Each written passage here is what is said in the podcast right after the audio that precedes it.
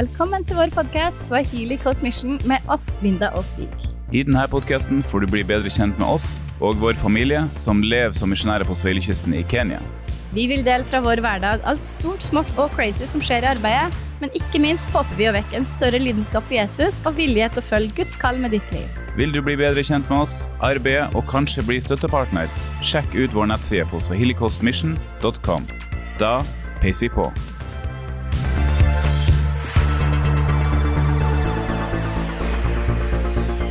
Nei, men du, bro, Vi har jo tenkt å snakke om noe i denne episoden her som jeg Ja. synes er utrolig spennende. Og, eh, og bakteppet er jo at vi sitter her på en lørdag, og så var det fredagskveld i går. Og hver fredagskveld så har dere bibelgruppe for gutta boys her. Ja, det har vi. Og hva var det som skjedde i går kveld eh, til å begynne med? Som gjorde at uh, du uh, begynte å tenke på at du hadde lyst til å undervise om noe? Ja, så vi var samla sammen i går kveld uh, i Fisherman's Camp, som er plassen vår da. Og så begynte vi guttebibelgruppa i går kveld med å bare ha litt vitnesbyrd eh, fra ungdommene, hvordan den siste uka har vært, og om de har noen Jesus stories og sånt. da.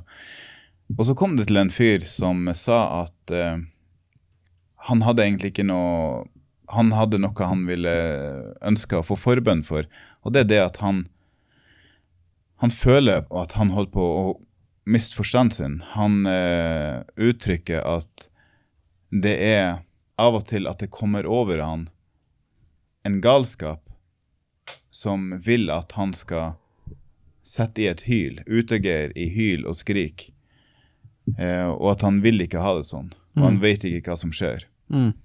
Eh, så, så det fikk meg til å så tenke og ta det på alvor, og på grunn av det så igjen så følte jeg at det var rett å, å ta opp igjen dette temaet med, med heksekraft. For det er noe som er veldig veldig vanlig her i denne kulturen. Også han gutten som, som, eh, som sa dette med galskap, da han føler at det er noe som prøver å ta over han. Altså en åndsmakt, rett og slett. Ja, Som prøver å empower him, eller liksom overpower him. ja. Det er sånn han beskriver det. Han er også en gutt som kommer fra en familie er, som er veldig, veldig kjent for å praktisere heksekraft. Eh, okkultisme, trolldom. Og han har søskenbarn som, eh, som ikke fungerer lenger, som er blitt sånn eh, eh, agurk på grunn av satanic ritual abuses, som har vært mye av i flere år nå. Ja, for dette her trenger vi å snakke litt om. For jeg syns dette er veldig interessant. Og så tror jeg for mange vestlige lyttere så er dette ganske far-fetched. Vi kan gjerne lese bibelhistorier, kanskje du hører det i en preken, der det refereres til mennesker som er demonisert. Og i vår bibel står det som regel besatt, selv om det er en dårlig oversettelse. Ja. For at man blir aldri fullt og helt overtatt så lenge man eh, Kanskje får små øyeblikk, men ikke liksom permanent. Så det bedre greske ordet er demonisert, at du er plaget av demoner. Men eh, jeg husker når dere var i Norge rett før sommerferien, eh, og vi virkelig rakk å, få god tid til å snakke sammen, Ja. så delte du ganske usminket om den åndelige dimensjonen her nede. Nå har vi vært der i to måneder. Eh, vi har kommet litt nærmere på det. Men kan ikke du bare fortelle litt sånn generelt i møte med hekseri, altså witches, warlocks, eh, hvordan fungerer praksisen her nede? Eh, hva betyr det at noen er heks? Hvem er det som oppsøker heksen? Hvorfor gjør de det? I så fall, hva gir de til heksen? Og så bare gi oss litt sånn the, the big picture da, for hvordan det fungerer i kulturen her nede. Ja, så jeg kan prøve å svare på det, da. Eh, nå bor vi en plass i Kenya som er veldig, veldig unådd. Kulturen som er rundt oss her, bærer veldig preg av at dette er en kultur som, som eh, ikke er veldig kjent med evangeliet. Også communityen som vi bor her, er sammen med her, da, så er evangeliet veldig fremmed. da. Så det som er vanlig, Her er det veldig veldig vanlig med mye tradisjonell heksekraft. Masse variasjoner av overtro. Eh, Så, så det er et stort problem her, og det er også et stort problem for de lokale. At, at det er hekser som bor forskjellige plasser, er vanlig. Og for å begynne å snakke om det, så er det også stort, noe som er et stort problem blant det lokale. For når du har en community hvor det er en heks som bor her, så er det av og til at det er i heksen sin interesse å, å holde det hemmelig, fordi at av og til så tar de livet. De execute eh, heksen i nabolaget fordi at folk er redd dem. Så når det er en heks som bor i nabolaget, så må man egentlig velge om man skal underordne seg og ære og respektere dette mennesket, eller om man skal ta livet av dette mennesket. Det er for de lokale, da, er vanligvis de to mulighetene. Fordi at du kan ikke anmelde ei heks, du kan ikke rapportere ei heks til politiet, eller om, om hun, komme, hun eller han skulle komme i fengsel, fordi at der kan de bare gjøre hevn. For her så er det sånn at det er kjent at hekser de kan besøke deg, og de kan ta liv og påvirke helsa di uten å være i din nærhet. De kan gjøre det fra distanse. Så derfor er frykten stor. Ja, de kaster forbannelser. Ja, det er det de gjør. Reise i ånden. Og de Eh, tror på det. Folk tror på det. Folk tror på det, så det er en helt vanlig virkelighet. Så derfor er alternativet For dette oss i Vesten kan jo høres litt grann så rart ut. Ja. Ok, Enten så må du liksom underlegge deg og anerkjenne de som en makt, Ja. eller så må du ta og drepe dem. Ok, men hva med å liksom bare gå til politiet, hva med å liksom anmelde de, osv. Men til og med politiet her nede er jo redd for heksene, stemmer ikke det? Jo, de er også redd. Vi hadde en hendelse som skjedde eh, der vi bodde før vi flytta hit, da, i Manrani. For kanskje tre år tilbake i, si, eh, i tid, så var det noe som skjedde i Manrani. Det var faktisk en gutt, en, en eh, ung gutt, han måtte ha vært åtte år gammel, som plutselig datt ut av himmelen. Han datt ut av poff fra lufta, sånn fem, åtte, seks meter over bakken. Plutselig poff, så datt han ned eh, på bakken da. Han hadde ingen klær på seg. Eneste han hadde med seg, var noe som heter en winnowing plate. Eh, Det er en sånn eh, som de bruker bruk, eh, lokalt sett brukte han det, kan bruke det både til å ha mat på, eller ting på, men du kan også bruke det til, eh, i forbindelse med heksekraft. Men eh, plutselig nå, i Manarani, så er det en gutt som har falt ut av lufta. Og alle de lokale omringer denne gutten, og de ser at det her er en gutt som ikke er herifra. Ingen har sett ham før. Han er helt naken. Det er kveldstid, han har lommelykter i øynene, og politiet blir tilkalt, høvdingen blir tilkalt. Det er et stor oppstyr rundt det her.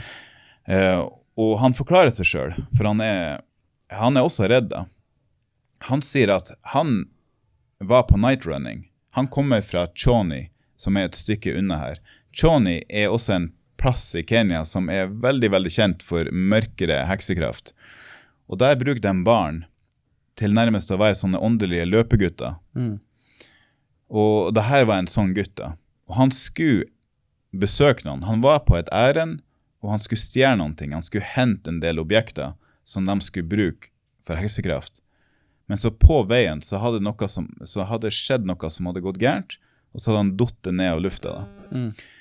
Eh, så jeg, jeg er fullt klar over at dette høres helt absurd ut og sprøtt. Så, men dette er uansett det som de lokale forteller, og som jeg må høre på. Og Og hva gjorde da politiet med den lille ungen? ja, først så tok de han her gutten til landsbyhøvdingen, som jeg også kjenner. Og han kontakter politiet.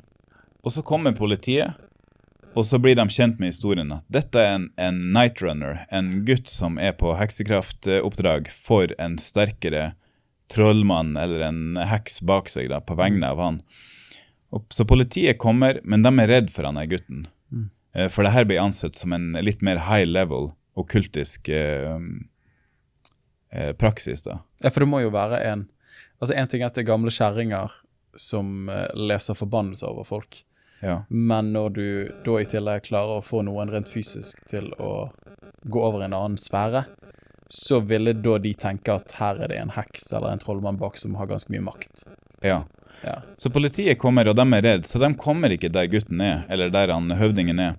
Politiet står nede og venter i krysset ved hovedveien. For det kommer et par, par politifolk, og de ringer forsterkninger, for de tør ikke å gå dit alene.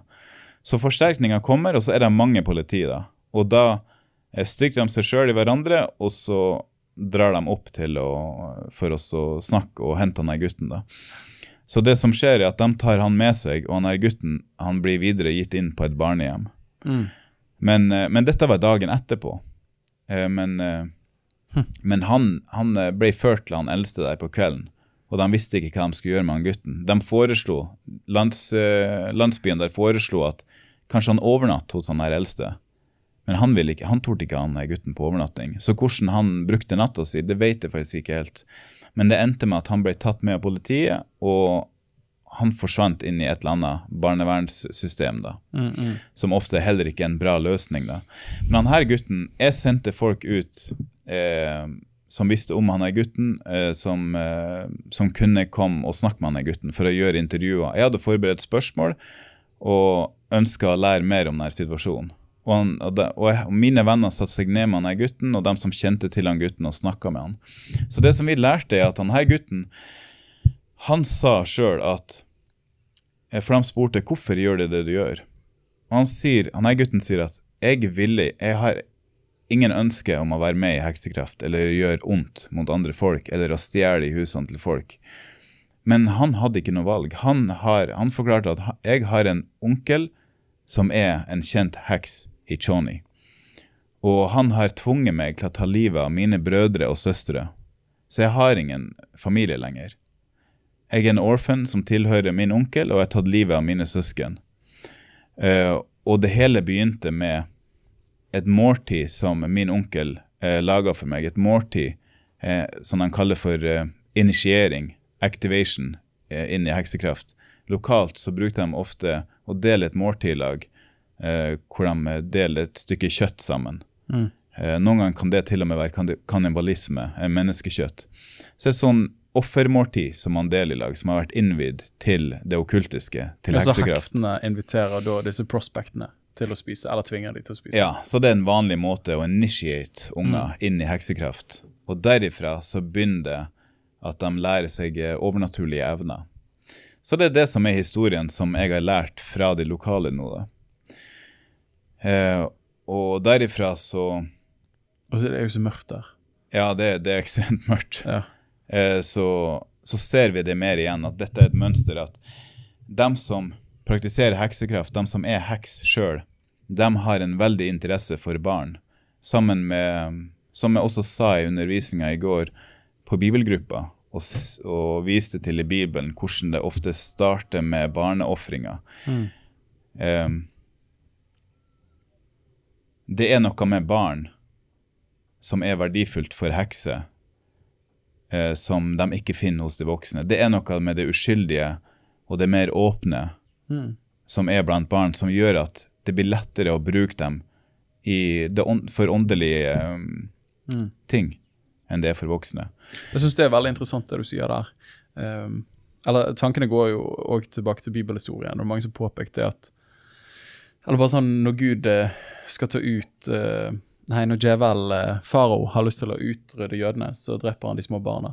Når Jesus kommer, så går Herodes etter de små barna. Ja. Eh, så dette er et eller annet med Og Jesus sier la de små barna komme til meg. Altså Gud har et utrolig stort hjerte for små barn.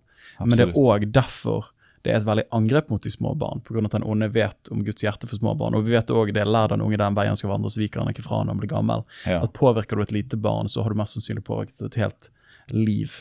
Eh, og du har undervist noe veldig spennende om, og du sa det senest i går, at barn er mer påvirkelig. Og det kjenner vi til med at barn har en fantasi som er mer levende. Eh, så Ja. det å, å skille mellom virkelighet og fantasi for barn er ikke alltid like enkelt. Som gjør at de er mer påvirkelige. Og sånn som du sa, at voksne folk har mer sperrer, mentale sperrer, som gjør at de ikke nødvendigvis beveger seg inn i åren på samme måte pga. sperrene. da. Mm. Og så har du òg lært meg jeg må jo si at det å være her nede med deg og se deg i aksjon og høre undervisningen din eh, knus, det, Dette lærer jo meg mer om det overnaturlige enn det jeg lærte eh, med å studere teologi. Eh, for der hadde man nesten ingenting om disse tingene. Men hvordan du òg sier at eh, Så klart, vi er, vi er åndelige mennesker. Vi er åndelige vesener. Vi er ånd, sjel og kropp. Og det er òg en åndelig verden rundt oss. Men den, den, eh, den sanne veien inn i det åndelige, det er gjennom Jesus Kristus. Og gjennom Den hellige ånd. Det er gjennom bønn, det er gjennom Guds ord. Det å kunne få lov til å, å høre Guds stemme og bevege seg inn i det åndelige gjennom Kristus. Og sånn som Johannes 10 sier, Jesus er døren. Mens med en gang du bruker et barn Men det finnes òg en åndelig dimensjon, en shadow side, det kan du gjerne snakke mer om. Men poenget mitt er bare at det finnes veier inn i ånd, inn i det åndelige, som Ja. ikke er lovlige veier. Og du nevnte i går narkotika. Kan ikke du bare snakke litt om det der òg? Det finnes en skyggeside. Barn er påvirkelig. Eh, Ja, barn er påvirkelig, Men, eh, men med snakk om det med narkotika, så er det eh, historisk, så, så langt tilbake til tid som man kan se, egentlig, så har dette med så er det veldig vanlig at sjamaner og hekser og de okkultiske lederne de, eh, de bruker narkotika som en em, Som en portal, da, egentlig. Ja, som en dør inn i det åndelige. Ja. Som, uh, og, bane en forbudt vei inn i det åndelige. Eh, så det blir som å hoppe over gjerdet. Uh, du bruker ikke han som er portvokteren, til å gå inn i det åndelige. Jesus blir ikke døra, men du, men du hopper over gjerdet på en annen måte, som blir en ulovlig måte å entre inn i ånden. da. Så du har narkotika. Har du andre ulovlige måter å bevege seg inn i ånden på? Tenker okkultisme, Ja, ikke minst òg. Så narkotika blir jo eh, eh, brukt i lag med okkultisme, da. Så, så de eh, har gjerne eh, at man bruker narkotika sammen med dans, sammen med søvn, eh, sammen med musikk, sammen med Orgier. instrumenter, sammen Ja, seksuelle ritualer også. Ja. Absurde, mørke eh, seksuelle ritualer også. Eh, og hvor man involverer narkotika. Narkotika har en stor del innenfor det um, okkultiske. Så derfor er det også at jeg også tar muligheten også å advare eh, ungdommene her at eh, hasj er ikke lurt å bruke. Eh, Mgoka, som er en sånn tyggenarkotika, eh, eller å røyke marihuana eller cannabis, eh, de tingene eh, er ikke like sterkt som, som de som heksen bruker. da. Det er ikke akkurat på samme måte, men det er low-key det samme.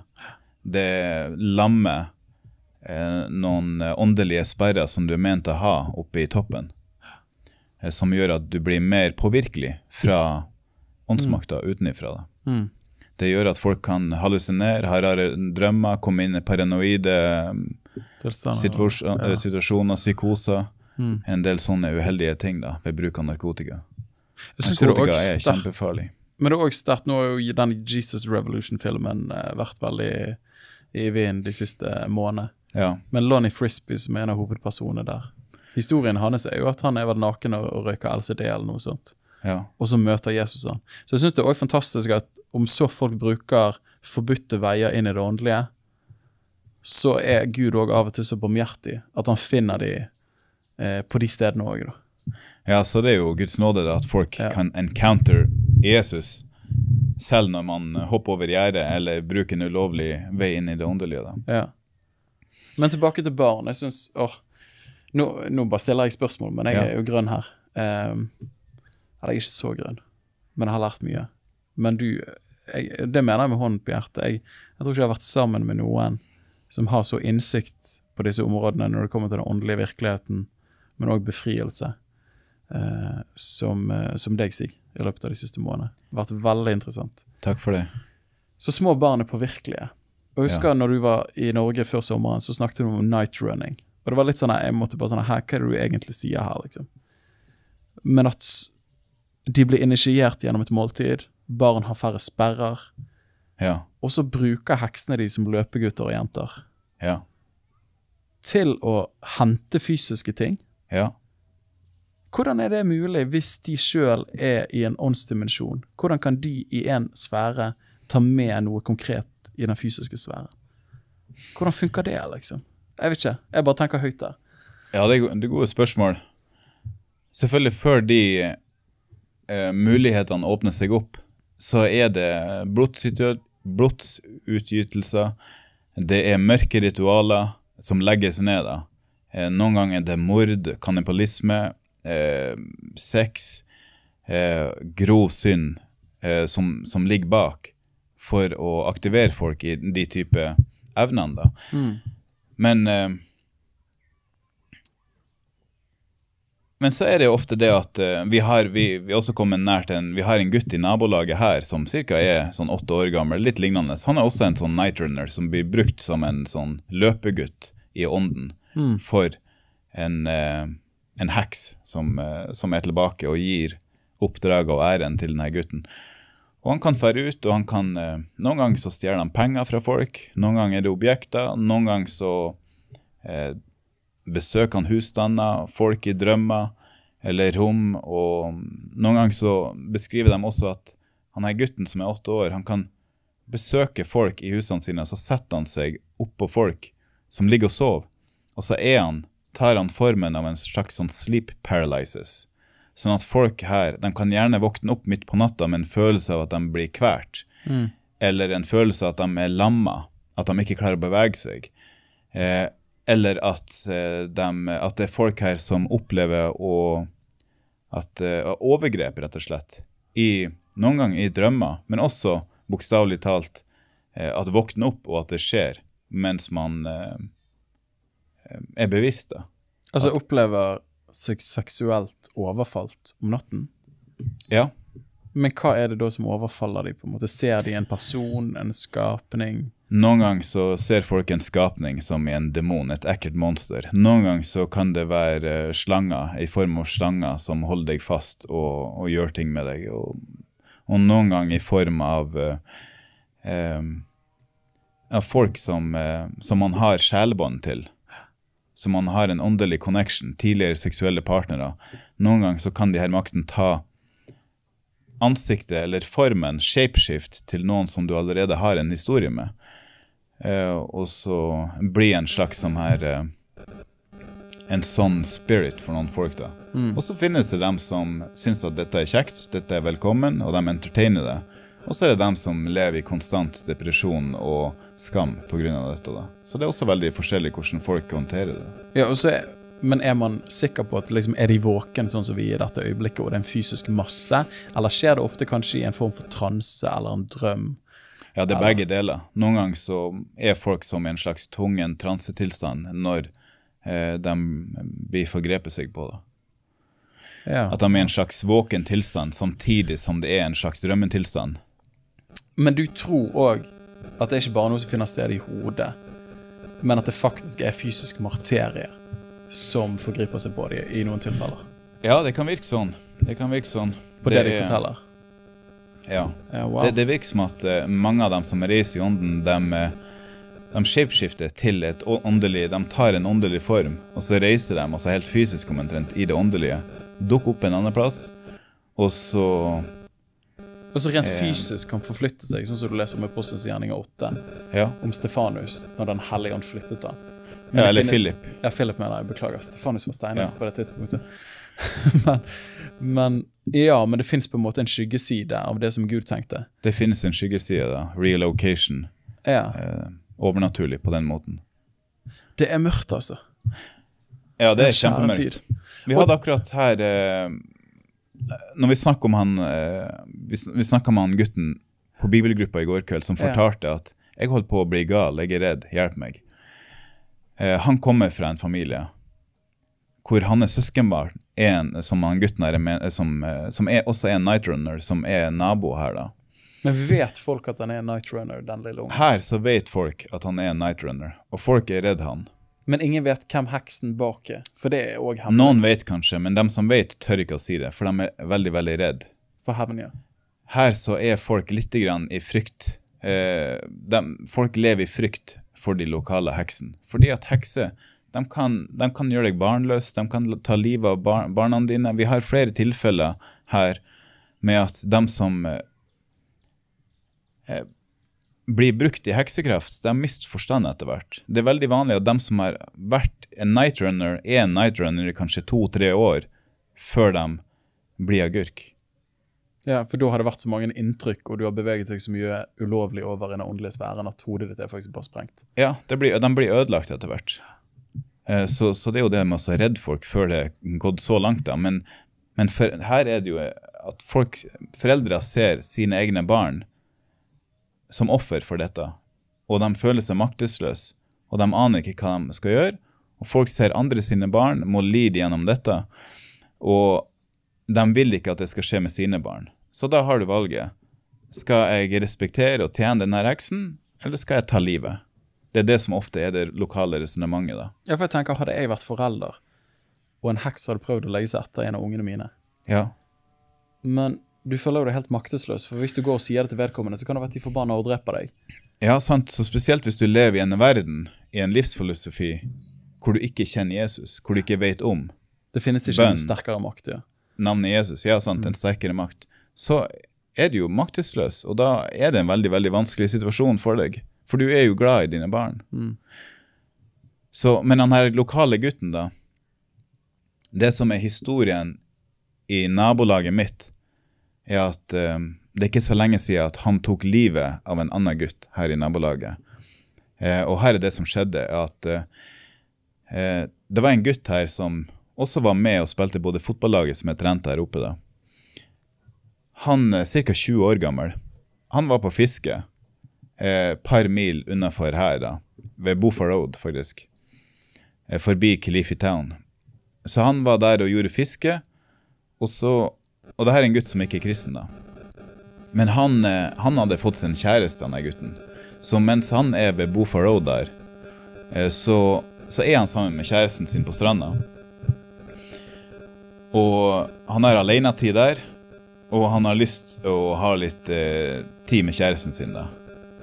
At de skal være litt intime sammen, eller sånt. Så han er, han er veldig innstilt på det, da. Og så er det sånn at han her eh, gutten, naboen min, da, han er nightrunneren, som er åtte år gammel, plutselig så dukker duk dukk han opp der, i Bofa Road, langt hjemmefra, da. Jo, det er ikke sjans at han på naturlig vis hadde klart å komme seg der. Nei, nei, nei, ikke i det hele tatt. Så plutselig så står han bak han.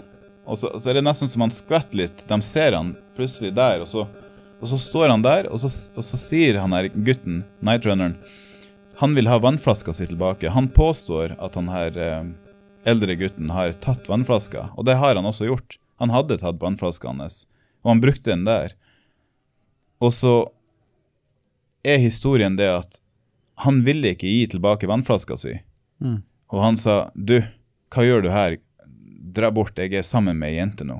Gå hjem. For han, han hadde lite tålmodighet, for han hadde lyst til å bare være sammen med ei jente, og han var innstilt. Og en gutt full av hormoner som er kommet i den moden da og er innstilt på det, blir litt sånn utålmodig når det dukker opp en sånn åtteåring og vil ha vannflaska si. da. Ja, så Han gjorde ikke koblingen og forsto at han hadde kommet seg her. på Altså, han sa jeg bare kom deg bort, han ble litt sånn irritert på det da.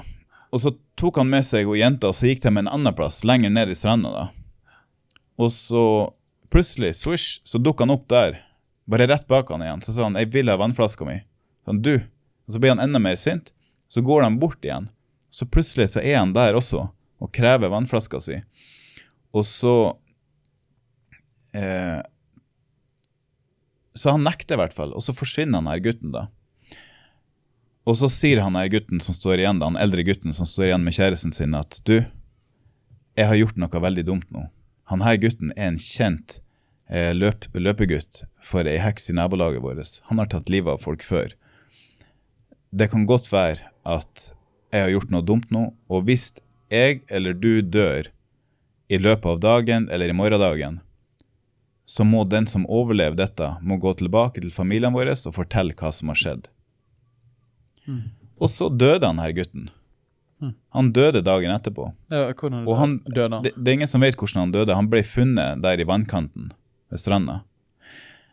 Og han ble funnet på en sånn eh, makaber måte, hvor eh, eh, For han ble tatt med inn på likhuset der de gjør sånn hva det er, autopsi, eller eh, Ja. Og de hadde også familie, slektninger, naboene mine her, som for og besøkte. Og de fant han i en sånn tilstand hvor øynene var plukka ut, eh, vitale organer var uh, fjerna, huden virka som om har den blitt flådd eller smelta, hva som har skjedd. Det var et makabert, mørkt syn. Eh, og det her er ikke det at han har ligget i vannet eh, og blitt spist på krabber og så dratt opp, for han hadde ikke vært i vannet så lenge. Det her var dagen etterpå, og kroppen hans var helt i en unaturlig mørk tilstand. Mm. Så hun jenta kom tilbake hit og snakket, satte seg ned med familien hans og snakka. Dette var det som skjedde. Vi var kjærester, vi hadde tid sammen. Jeg visste ikke hvem han gutten var. Han dukka opp rart.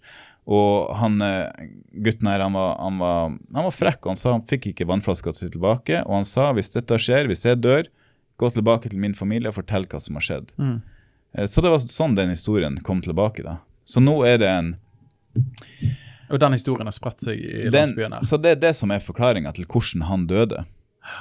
Så nå har du en familie som de er både sint eh, og har masse hat mot den andre familien, men samtidig så hadde de ikke tort å gjort noe mot han her åtteåringen eller eh, de har ikke tort å gjort hevn, for de, er, de er redd for heksekraft. De er sjokka og, og redde. Og det som er grusomt også, er eller, eh, Mora til han gutten går i kirka mi. Han lille gutten. Nei, mora til han gutten som ble drept. Ja, ok. Ja. Hun går i kirka mi. Så han dør, det er begravelse. Og så er det jeg som skal være eh, den som del eh, prek i begravelsen. Mm. Så det var heller ingen lett oppgave, da. Men, uh, Men hva kjenner du i møte med Åh, Det er så mange spørsmål som melder seg her. men han her gutten, samme gutten, da. Når vi hadde bibelskole her året før det, vi hadde bibelskole her, og i hans compound så har han her gutten, det er en større gutt der, som, eh, som var Som nå bare er eh, agurk. Er det, er det greit å si, eller er det et ord som ikke går an til å Nei lenger? Nei, det går an å si det. Grønnsak. Grønnsak. En grønnsak. En gutt der, som, en eldre gutt som er grønnsak, fordi at han var en gutt som har vært brukt som nightrunner to-tre år, og så bare eh, så forsvant han, klikka da. Og så er han her yngre gutten tatt hans plass da. Men han her eldre gutten, eh, han var en venn av mine bibelskolestudenter. Mm. Mine venner her i nabolaget. Han var kjent for å være en gutt som var glad til sinns, aktiv i fotball, fiska, var sammen med de andre, hadde masse venner. Mm. Men så hadde han det her hemmelige dobbeltlivet hvor han reiste på natta. Og plutselig en dag så bare var han eh, grønnsak. Lå i senga hele dagen, snakket med seg sjøl, flira opp i lufta, eh, tom i blikket, mista personlighet, eh, og bare mista det. Så vi som bibelskole, vi for dit for å be for han her gutten. Så, For vi ville gjøre et forsøk på å hente han tilbake, da. Mm. Så vi gikk dit, og, ehm, og da ble vi også kjent med han der andre nightrunneren, da.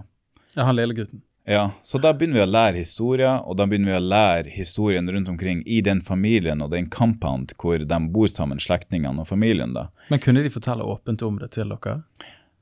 Eller er det sånn du fikk én brikke er her sånn brikke brikke der? her og en brikke der, og at, de, at som vi satte oss ned med de forskjellige i privat, eh, her og der, så åpna de seg litt nervøst, Mm. forsiktig, én og én, og mer og mer etter hvert. Eh, så da lærte vi mye, da. Men, eh, men det vi også lærte, er at han her eh, gutten som, var, som, er, som senere tok livet av han der gutten som vi akkurat fortalte om, da, Mm. han sa at han var en nightrunner. Han vil ikke være det, men han har ikke noe valg. For hans valg er at, at for heksa, de truer med at eh, du gjør det her, hvis ikke så dør søsknene dine, foreldrene dine. Så blir noen å dø. Og det vil de ikke heller. Så de har ikke noe valg. Men han her gutten har sagt at jeg har vært på basen. Jeg har vært på soverommene deres. Jeg har gitt dere mareritt. Og så går han her gutten videre, og han forklarer i detalj hvordan soverommene til de her guttene på bibelskolen vår ser ut. Han forklarer køyesengene, hvor høy de er, hvor mange senger som er der, eh, hva som er hvor, og detaljer i soverommet. Så bibelskolestudentene våre de blir jo faktisk mørkeredde av det her greiene. De blir skremt av han her åtteåringen som sier at han har vært der. Han, av og til har han sittet på brystet hans, han har gitt han mareritt, han har gitt, gjort det og det. Eh, Så vi måtte faktisk ha sånn en-til-en-samtaler og litt sånn eh, inner healing eh, etter Etterpå, dette. For da, de er fortsatt litt sånn grønne og ikke så kjent med sin identitet i Kristus. Altså Da. en autoritet i Kristus òg, Ja. ikke minst det. Men han lille gutten, så han er, han er ennå ikke mistet sin forstand. Han har ikke mista sin forstand. Men forstå, har du et inntrykk av at han på en måte høres rart ut, men kanskje moralsk forstår at det han gjør, ikke er greit? Eller Han forstår at det ikke er greit, og han Ja. vil heller ikke være med på det. Han vil ikke være med på det. Vi har snakka med han, og han uh, har blitt bedre etter hvert. Han har hatt perioder hvor uh, heksa ikke krever av han. Han lille gutten? Ja. Ja. Har du fått be, Men be for han? Men ofte at han blir troa til å komme tilbake. Vi har bedt for han. Han er ofte med i søndagsskolen i kirka vår. Nei, er han det? Og vi har uh, han med i oppfølging. Vi snakker med han regelmessig og, og sånt. da. Men får ikke han- lyst til å liksom bare ta han, adoptere han og ta han ned her, liksom? og Jo, Ikke liksom tillate han å gå det, er jo, det er jo nesten så, det er jo et misbruk. Det er jo ikke et seksuelt i- misbruk. Men ja, sant. Men han er i pakt. eh, Det, det har jeg veldig lyst til. Men han er i pakt med en større åndelig leder bak seg. da. Så hva hvis vi adopterer han, da? Eller han har en mor og en far der, som først og fremst er hans uh, foreldre, da, Ja. som skal respekteres. Men faren hans er alkoholiker, så han er, ligger bare drukken på stranda. Han er ute og fisker, og så kommer han tilbake og drikker seg full på stranda. Han er nesten aldri hjemme.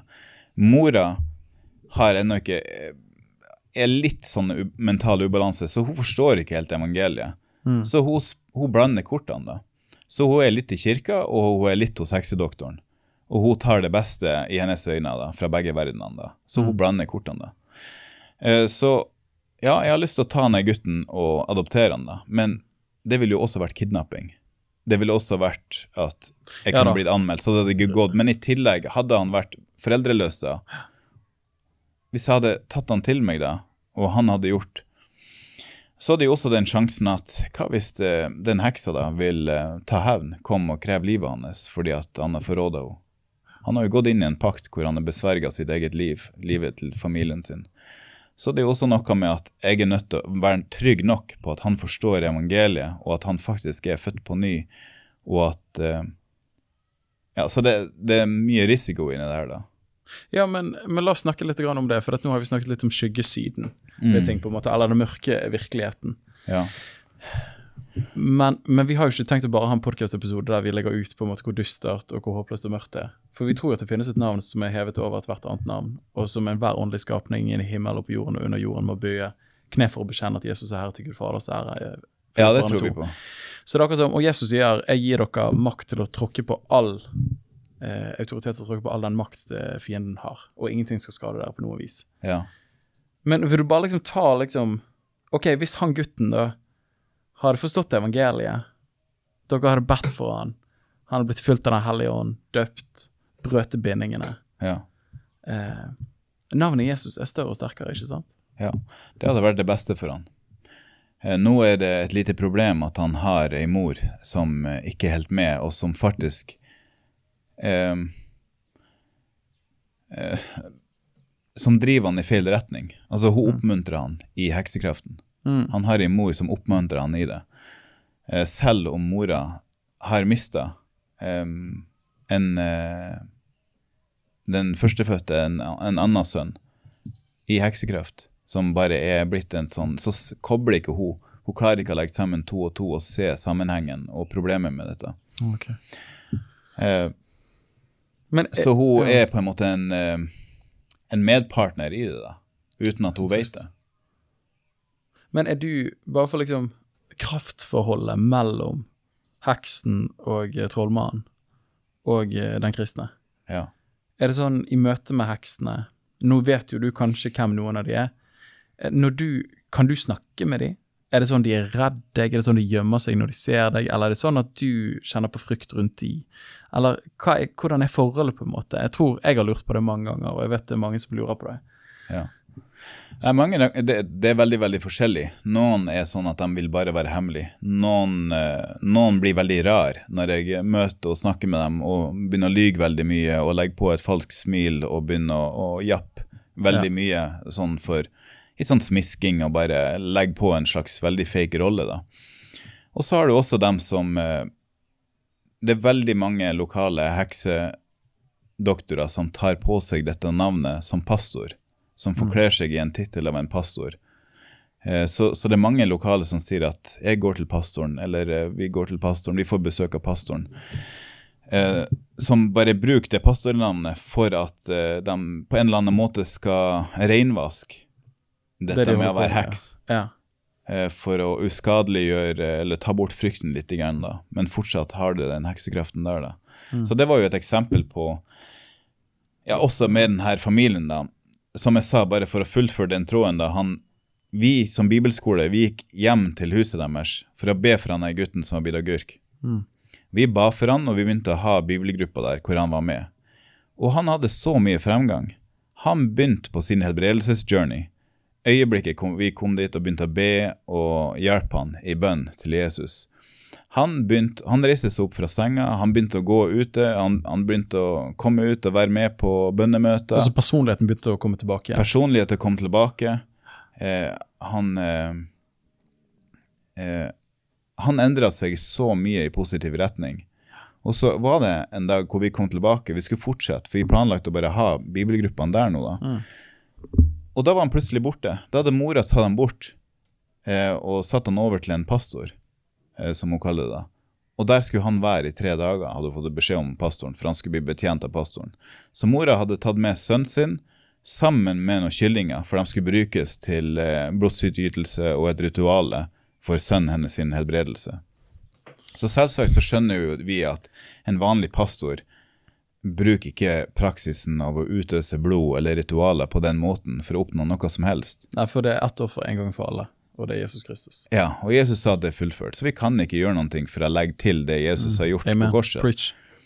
Men det er det de gjør, de, mange av de lokale som kaller seg pastorer. da. Så hadde gjort det, tatt med han dit, og så kommer han tilbake etter hvert. da, For jeg hadde sagt hva er det du har gjort, dette må du ikke gjøre. dette er, Vi, vi trekker hver vår ende her nå. Eh, du motarbeider den gode framgangen din sønn har vist. Eh, og i tillegg, hun betaler penger til han der pastoren for at han bor der i, i tre dager. Så han kommer tilbake når han er ferdig. Og det er han enda mer agurk enn han noen gang har vært for. Og så fortsetter hun med det. For å si at oi, han, han sliter, nå er det en vanskelig sesong. Uten å helt koble, ser mønsteret, tidslinjer på dette. Altså, så hun driver er og tar jo- han tilbake til han her eh, pastoren, da, andre pastoren. da. Og så blir han bare mer og mer borte. Eh, Så, så han, han, er er en trist, han er en trist historie. Han Ja. ligger bare hjemme og er en grønnsak der. Så han ligger her oppe i landsbyen, noen steinkast herfra. Fortsatt. Enten så ligger han der, eller så er han i en av sine perioder hvor han er hjemme hos han her såkalte pastoren og går gjennom ritualer. Dette er jo helt absurd. Ja, det er helt absurd. Men ja, da er jo for så vidt moren òg så treg i toppen at uh, Ja, så hun er jo lovlig. Mo- Det som er ironisk, er at det, det er flere mødre som er på den måten, som har mangel på kunnskap. Selv om de elsker sine barn, så ender de opp med å bli mordere av sine egne barn. ja. Det er det ekstremt tragiske og det triste i det hele. da. Så det er virkelig ja. Mitt folk forgår pga. mangel på kunnskap. Hosea 4-6. Ja. Det folk ikke vet, er det som tar livet av folk. Mangel på kunnskap innenfor det åndelige, heksekraft, eh, naiviteten. Bare fordi at noen kaller seg en pastor, kaller seg en kristen, så tror man at dette er noe som er godt. Langt ifra. Eh, navnet pastor, navnet profet, blir misbrukt i Kenya så mye. Enda mer enn Guds navn blir misbrukt i Norge, eller vitenskapens navn blir misbrukt i Norge. Mm, Det blir misbrukt høyre og venstre hele tida. Så dette klarer ikke hun å gjøre logikken at min sønn er i utgangspunktet nå blitt grønnsak pga. at han var night runner av en heks. Så det, derfor, for at han skal bli frisk, så tar jeg han med til en annen heks og holder på med det samme. Altså Det gir jo bare ikke mening. Nei. Men pga. at denne heks nummer to kaller seg en pastor, så tenker hun sikkert at dette er noe annet. Så det, dette er kanskje svaret. Og selv om hun har sett progresjonen når dere har vært der og bedt for han, Ja. så er man så bundet til de tradisjonelle skikkene som sine foreldre og sine besteforeldre holdt på med, at bare dette er en del av deres virkelighetsforståelse. Derfor fortsetter de å gjøre det på denne måten. ja. Så de, de er jo nesten i en sånn kunnskapsløs transe som de trenger å våkne opp ifra. Ja, absolutt.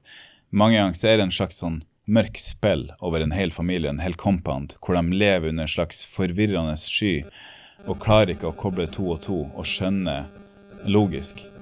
Så de blir fanga i onde sirkler av heksekraft som de bare ikke makter å komme seg ut ifra. Og selv om det kommer folk utenfra denne, som ikke er under denne spillen, og snakker visdom inn, så er det, så er det ikke så enkelt. Sånn som jeg tenker på han, eh, han andre karen i går kveld på bibelgruppa som sa Han fortalte og spurte spørsmål. Han sa at vel, i mitt hjem, i min familie, så har vi pastorer som kommer regelmessig til oss og ber for oss. Hvorfor? Jo, fordi at hos oss så er det ei liste. Ei magisk liste, ei dødsliste, hvor det er skrevet navn på folk som skal dø snart. Og denne lista, den er noen gang utafor huset vårt ved et sånt tre der, og noen gang så er den borte, og den dukker opp eh, ved gravplassen nede i dalen. Og så spurte vi han ja, men har du sett denne lista. Er det noen andre som har sett denne lista? Nei, det er ingen som har sett den lista. Men de vet at den er der fordi at denne pastoren har sagt det. Han har på en måte sett det, discerna det åndelig. Så, så det er en litt sånn enklere form for heksekraft. da. Og det var jo så primitivt når du begynte å stille spørsmålet. Så bare sånn, har noen av dere sett den listen noen gang? Nei, jeg har aldri sett den. Jeg vet ikke om noen som har sett den foruten pastoren.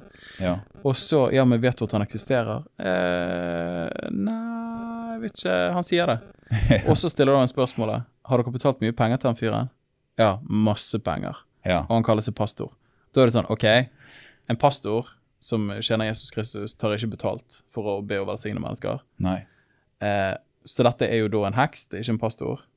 Men dette høres jo òg ut som på en måte en, eh, en humburger. Altså en som svindler for folk, da. Ja. For å få penger. Men det er vel mye av motivasjonen bak heksekraft òg. Så er det vel ønske om midler òg, ikke det?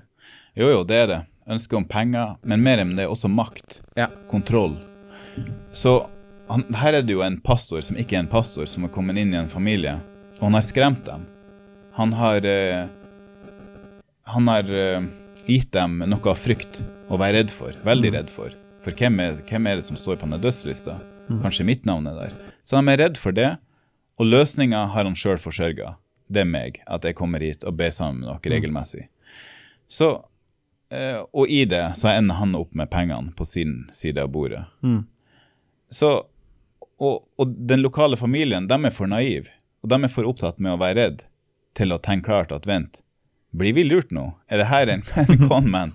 så det tenkt, altså jeg, jeg og du skjønte jo det på en måte med en gang, da. Ja, ja. Men, men også, da, hvis vi skal gi the benefit of the doubt da, lite grann, da. La oss si at det var en liste, en magisk liste, hvor det sto oppskrevet navn da, med folk som skulle dø, da, som, som onde krefter ønska skulle dø.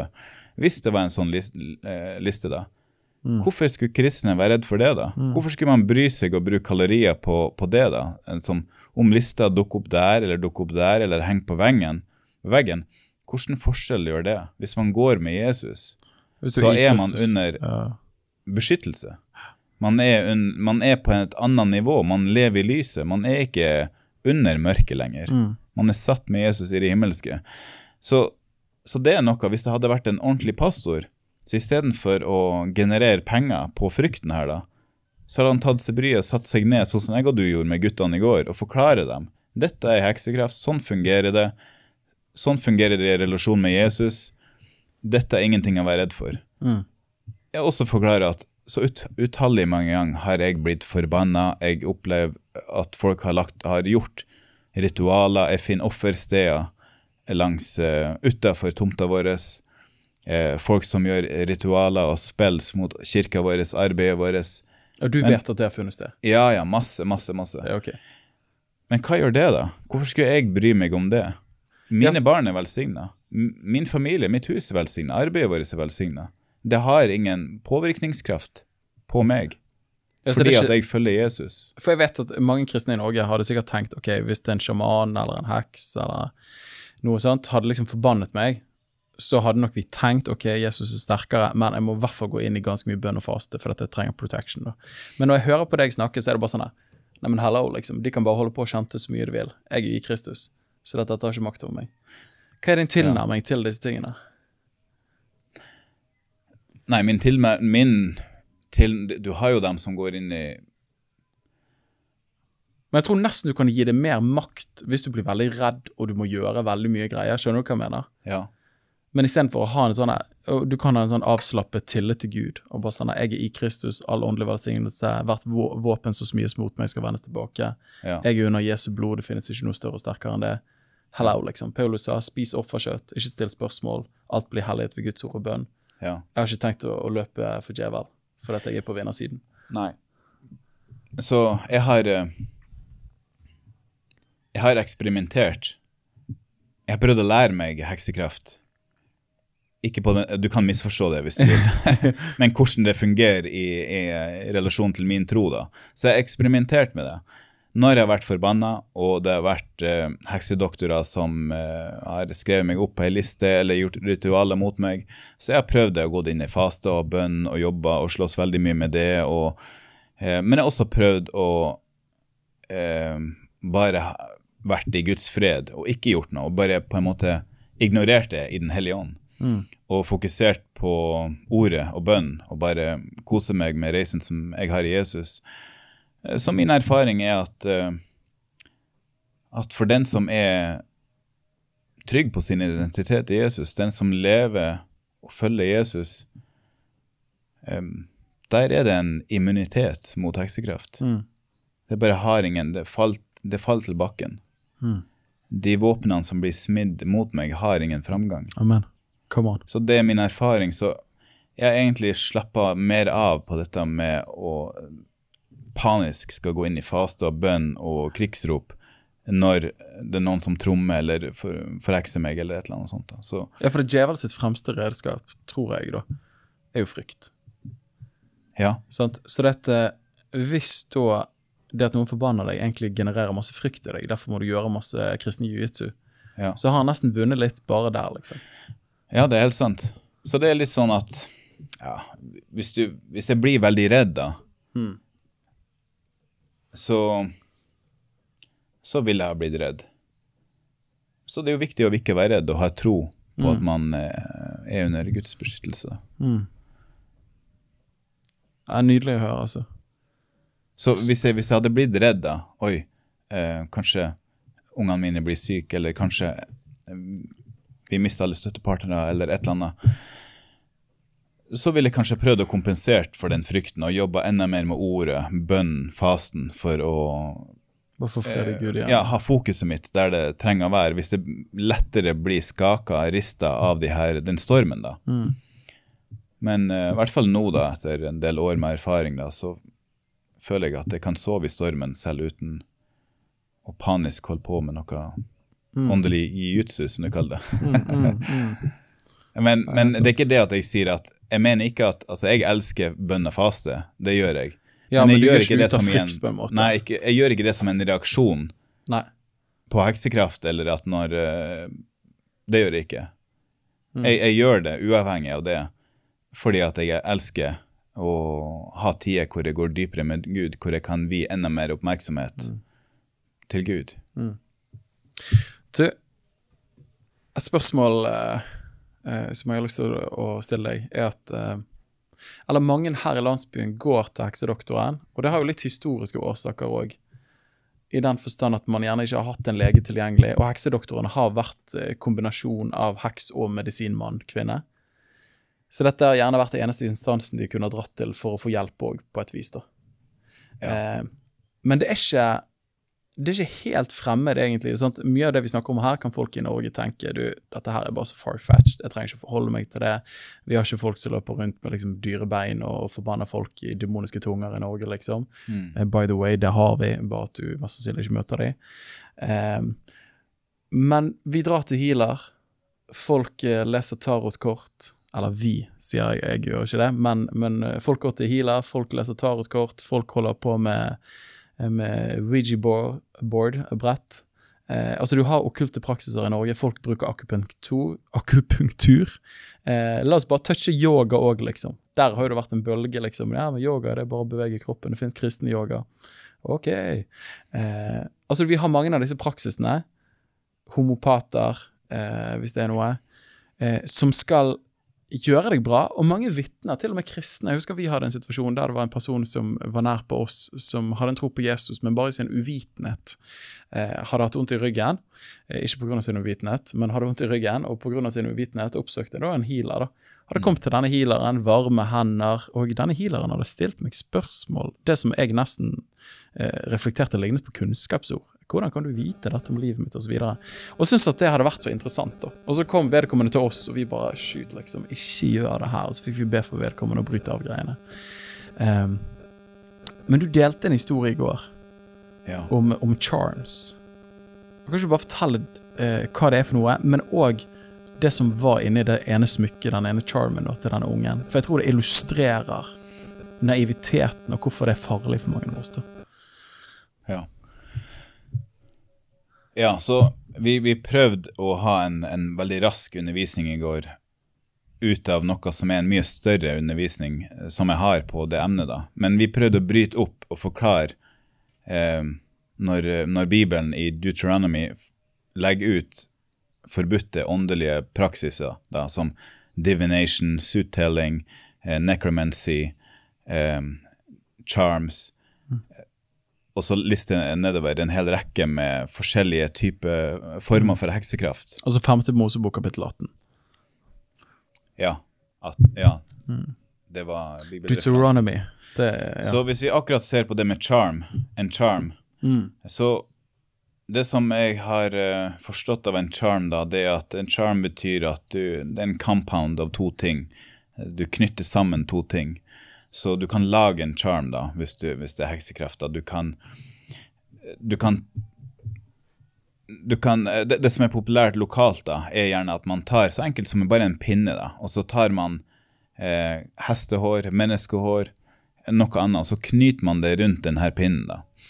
Eh, sånn at her er det noe som er eh, hår som er bundet til et annet objekt, for å mimikke det som man ønsker å oppnå i det åndelige. At her er det et objekt som har noe bundet til seg, som har noe som er knytt til seg. Og så sier man da inn en spill til dette objektet, og da blir det en charm. Gitt at du har disse heksekraftevnene til å utføre de her tingene. da. Men så, så er det en historie som, som jeg har brukt av og til når jeg underviser her, fordi at jeg har sett det igjen flere ganger, og det er et godt eksempel. Dette er en historie som går sånn her. Det var en mor som hadde ei datter som, som slet med helsa si, som fikk dårlig, gradvis dårligere helse. Så hun tok dattera si med til en healer. La oss kalle det healer, da. Og så healeren har uh, gitt dattera denne charmen. Og sa dette er en lykkecharm, dette er en charm for god helse eh, og velsignelse på helse. da. Så bær den her rundt nakken, og så vil helsa bli bedre. Så mora tok den, hun satte den på, rundt nakken på dattera si, og dattera ble bedre. Helsa til dattera ble bedre.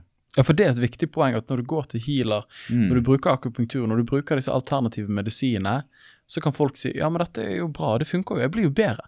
Ja. Og så tenker folk ja, men da må det være bra. Det er det folk tenker Det, så, så helsa hennes blir bedre. Og så, på et senere tidspunkt, da, så skjedde det at uh, hun her mora ble frelst. Og hun ble overbevist av sin synd, og at hun hadde deltatt i okkultisme på vegne av sin datter.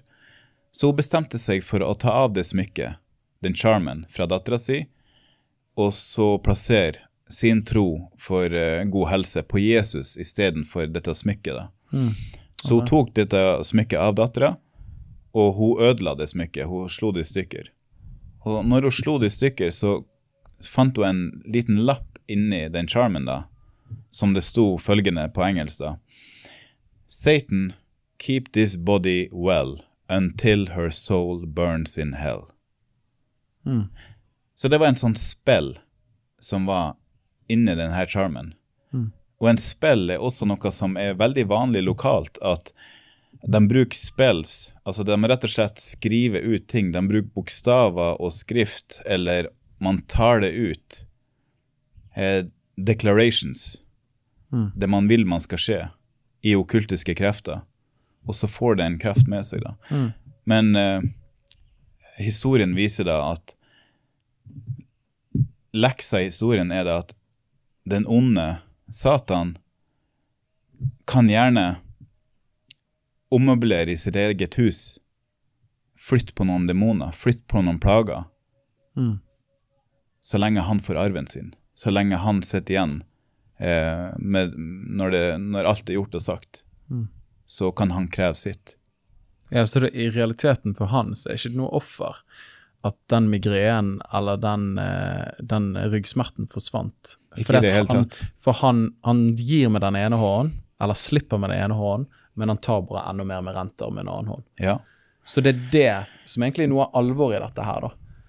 At- ja, ja. Så det er sånn terms of services som, som er en sånn spill, da, som gjerne er med små bokstaver, noen ganger til og med i det usynlige, noen ganger på sånne notes, som folk ikke tar seg bryet med å, å sette seg inn i og forstår. Så går de inn i en agreement i noe som blir å ende opp eh, med et mørke som de ikke hadde sett for seg. Da. Jeg har ikke lest meg opp på dette her, men hvis man skal da gjøre et konkret eksempel ut av det, så kan man ta eksempel yoga, da. Mm. Som folk sier, ja, men jeg får så fred når jeg gjør disse stillingene. Når jeg eh, går på treningsstudio og er med på disse timene, jeg får så, får så ro i sinnet mitt. så er det bare sånn Ok, men røttene til dette her er jo av en annen religion. Det er jo hinduistisk. Og, og du kobler med, ut fra en kristen virkelighetsforståelse, så kobler du med åndsmakter. da. Så Ja. det er tilsynelatende kan du få fred, men de tar òg noe annet på et annet sted. da. Og det er ikke sikkert du ser det før ti år ned i veien. Det kan være at du aldri ser det, Ja. men likevel, du har inngått en lojalitet med andre makter. Ja. Som du som en etterfølger av Jesus Kristus ikke kan og bør gjøre. Man involverer seg i en forbudt praksis som blir å straffe seg før eller senere. På et, et eller annet tidspunkt så blir det å komme en pengeinnkrever og bli å kreve sitt fra det som han har vært involvert av. Ikke nødvendigvis penger, men det kan være an andre ting. Og de tingene skremmer meg. Jeg har ikke lyst til å være en del av det.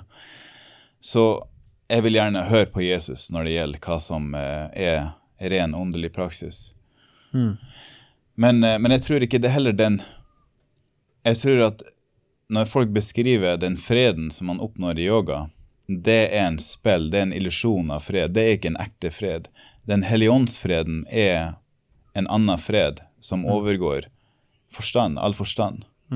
Eh, og det er en, eh, en, en counter spirit av Den hellige ånd, det som er yoga, som mimikker fred, som gjerne kan, eh, kan gi, gi deg en, en følelse av avslapning eller eh, fred. Men det er ikke egentlig det som det er. Amen. Jeg er helt enig. Yoga er, er helt absurd for meg at, at folk um, holder på med det, da. Um, og em, jeg tror vi er ganske radikale, vår familie, når det gjelder sånne type ting. da. Vi har på skolen til barna våre, så, så har du andre foreldre som gjerne vil ta initiativ og begynne å, å lede ungene i yoga istedenfor gym eller etterskoleyoga, eller istedenfor uh, en gang i uka begynne med yoga for elevene og sånt. Så, så det har skjedd på eh, Le, I Leo sin klasse har det skjedd, da. Men da har vi bare sagt at eh, det skal Leo ha fritak for, fordi at vi er en kristen familie. Vi praktiserer ikke yoga. Men, eh, men det har skolen også vært veldig snill på og sagt at det forstår vi, og eh, beklager at eh, det ble sånn, eh, men eh, dere er velsigna til oss å ta Leo ut ifra de timene, da. Så det gjør vi, da. Jeg vet at mange i Norge, eh, når de hører disse tingene her, så er det sikkert noen som vil begynne å tenke som kanskje har vandret med Jesus lenge, men så vet at i sine tenår, når de gjerne var litt uvise og umodne, så var de en vennegjeng der de hadde et glass på bordet, og eh, de prøvde å, å inngå i okkulte praksiser. da. Og jeg vet at Når vi snakker om de tingene her, så er det noen som begynner å kjenne på uro fordi de har vært med på en yogatime. Eh, det er noen som har vært en healer, det er noen som idet de skulle føde så fikk, det Sånn som nå med, med sistemann, når vi skulle, når hele den eh, skulle føde Joel, så kommer de, det tok litt tid, og så kommer de og spør har du lyst til å få akupunktur. Og så understreker de veldig at dette her er ikke en åndelig akupunktur, det er bare medisinsk akupunktur. Men da er det bare sånn Nei, så klart. Nei, det skal ikke vi ha. Eh, sant? For vi har ikke lyst til å åpne opp en dør til noe. Og det som er så kjipt med den åndelige verden, er at selv om du ikke vet hva som står med liten skrift, så lenge du inngår i den praksisen, så kommer han for å ta likevel. Ja. Så det er ikke sånn at å nei, siden du ikke visste, så slipper du på en måte å få repercussions. Det er ikke sånn det funker, da. Nei. Men når da folk hører dette, så er det sikkert både ganske mange som blir litt urolig og tenker du, den episoden der, den gangen jeg gjorde det, um, hva skal man gjøre? Hvis man har vært med type på okkulte praksiser. Ja, altså det kan jo bare si at eh, Altså, jeg har jo et liv før jeg, jeg tok Jesuslivet på alvor. Før jeg ble frelst. Og jeg husker når jeg gikk på både barneskoler Ja, barneskoler, faktisk. Da gjorde vi også spiritisme og utforska med Ouija-boarder. Hvor vi satte oss ned med vennene, og vi hadde det glasset, det alfabetet der, og vi spurte Satan, og vi spurte forfedre, og spurte eh, avguder som vi kom på i farta. da. Og så opplevde vi det at det glasset ville flytte seg, og eh, så Og det kom jo Det kom ting i kjølvannet av det. Når jeg ser tilbake, så kom det stygge ting i kjølvannet av det som jeg kan tracke tilbake til det. da. Eh, også andre okkultiske ting som jeg var involvert i. da. Men eh, For min, Det erfaring, stemmer. ja, for min erfaring, da, bare for å kjapt eh, kommentere det, Ja. er at folk kan gjerne ha vært med på det en gang, eh, men idet de kommer inn, kanskje en del år senere, kommer inn på et ungdomsmøte eller blir en del av et kristent fellesskap, Mm. så når vi går inn i lovsang, når vi er forkynnelse, plutselig kan de kjenne på uro, liksom. Altså Det er akkurat som det er et eller annet ligger på et punkt, og hvis Guds nerver kommer veldig sterkt, så plutselig begynner noen å manifestere. Ja. Og så begynner man å traske litt grann, og spørre du, hva, hva er dette, har du noen røtter til det Ja. okkulte? Og så, jo, når jeg var 13 år, så var jeg med på det. Og så får vi bedt om tilgivelse for det, så får vi brutt og kastet ut, og så blir det løst. da. Men selv bare en sånn uskyldig, tilsynelatende uskyldig ting de var med på en gang, kan av og til ende opp med at mennesker begynner å manifestere demoner mange år seinere i en atmosfære av Guds nærvær. Ja, helt sikkert. Sånn. Det, ti leger ingen sår. Ti leger ingen sår. Eh, tid setter ingen fri fra noe som helst. Så synd er evig. Den som kan gjøre noe med synd, er Jesus. Mm. Så jeg tror at eh, hvis, hvis, hvis det er noen som som er ny på veien, eller føler litt usikkerhet rundt de her tingene, da Det jeg det jeg ville gjort da, er at jeg ville ha oppsøkt en, en kristen, god pastor eh, som har erfaring, og som kan hjelpe med dette. da. Mm. Eh, så, sånn at man har en samtale, en sit-down, og man har eh, litt bønn sammen. Eh, hvor man omvender seg fra synd, kaller, kaller en spade for en spade, bekjenner noe, og vender seg til Jesus. Så bra, så bra. Eh, og så Ja, man bønn om befrielse derifra, da. Så jeg vil heller anbefale at folk gjør det, faktisk, enn at, eh, at jeg skal begynne å be en bønn over Vi kan også be en bønn over podkasten her og sånt, da, men, eh, Ja, ja, men av og til så, så, så er det det ville vært bedre hvis folk hadde funnet Amen. en eh, lokal pastor som hadde litt erfaring, og som kunne hjulpet dem gjennom en sånn Mm. samtale og bønnesession. Da. Helt enig. Så, men eh, Jeg var egentlig bare ute etter hva er noen enkle steg de kan ta, da. Og det var du egentlig innpå der. Finn en person med, med åndelig innsikt, ja. eh, og så bekjenn det som synd. Og det kommer ikke man unna. Det er ikke mer eh, basic enn det, altså. ja, man må ydmyke seg. Ja, Si at det var synd. Jesus, tilgi meg for at jeg var med på den aktiviteten. Tilgi meg for at jeg gikk til den healeren. Jeg bekjenner det som synd. Og så Ja. kunne du få lov til å si, Herre, jeg tar imot din nåde akkurat nå. Og alt som måtte ha kommet inn av åndskrefter, alt jeg ga mitt samtykke til, i navnet Jesus Kristus, så bare bryter jeg det akkurat nå. Ja. Og så ber jeg deg, Hellige Ånd, vil du fylle det tomrommet med ditt nærvær. Ja. Altså nesten bare Altså Det trenger ikke være mer vanskeligere enn det. Nei, det trenger ikke være vanskeligere enn det. Men fordi at hver situasjon er forskjellig, Mm. eh, så, så er det beste at det, sitter, at det er noen som setter seg ned Mm. og hører på mennesket, vedkommende, og så hjelper dem å legge ut eh, en, en gameplan for hvordan man kan gå frem til full frihet herifra. Mm. Det, hver enkelt menneskesjel er forskjellig, hver demon er unik, forskjellig, eh, og måten demoner og unike demoner, unike sjeler, kan forvikle seg sammen, er også helt forskjellig og unikt fra menneske til menneske. Så det er vanskelig å gi en eh, her er fire-fem steg til full frihet, og dette gjelder alle sammen. Så det beste er at det må være en, en kristen leder der som setter seg ned og, og hjelper og lytter til et menneske og hjelper dem ut ifra å finne ut sine forviklinger, hjelpe dem å løse seg ifra det. da. Mm, mm. Så tror jeg også det er viktig å påpeke at når du hører det her, så kan det være at du tenker ja, men jeg, jeg har ikke erfart noe kjipt etter jeg var med på det. Og at uavhengig om du har erfart noe kjipt eller ikke, så lenge du ønsker å følge Jesus Kristus, så trenger du å omvende deg fra all synd. Ja. Og du trenger å bryte alle festningsverk. Og bare pga. at du opplever at du ikke har erfart noe negativt etter å ha vært med på det, så betyr det ikke at det ikke faktisk er en binding som er der. Mm. Eh, så det at eh, Få alt ut i lyset. ja. Få hele ut livet ut i lyset. Ja. Det, det er min anbefaling. Men eh, det er, av og til så er det jo også kritikere som, eh, som sier sånn hånende Man kan si at ja, skal dere Kenya, til Afrika der, og lure folk med overtro, og bringe enda mer overtro inn i det som allerede er en kultur fullt av overtro. Altså hvor mye, når er nok? Men det som er faktumet, er at evangeliet er en antidote til, til overtro. Kuren for all overtro i hele verden, Norge, Kenya, hvor som helst, er evangeliet om Jesus Kristus.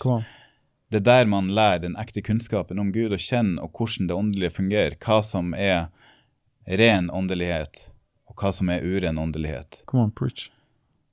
Så det vil jeg bare emphasize det at evangeliet setter oss fri. Mm. Selv her i kulturen, jeg er omringa av vanlig sånn dagligdags overtro som folk følger, selv de som går i kirka av og til. Her så har vi en, en rar greie, er at dette er en allmenn kunnskap her. Hvis du går ut og du trør på en lizard eller en gekko, så må du gå hjem og bytte klær. Hvis ikke kommer du til å bli forvirra og gå deg vill. Det er regelen. Og det tror alle på.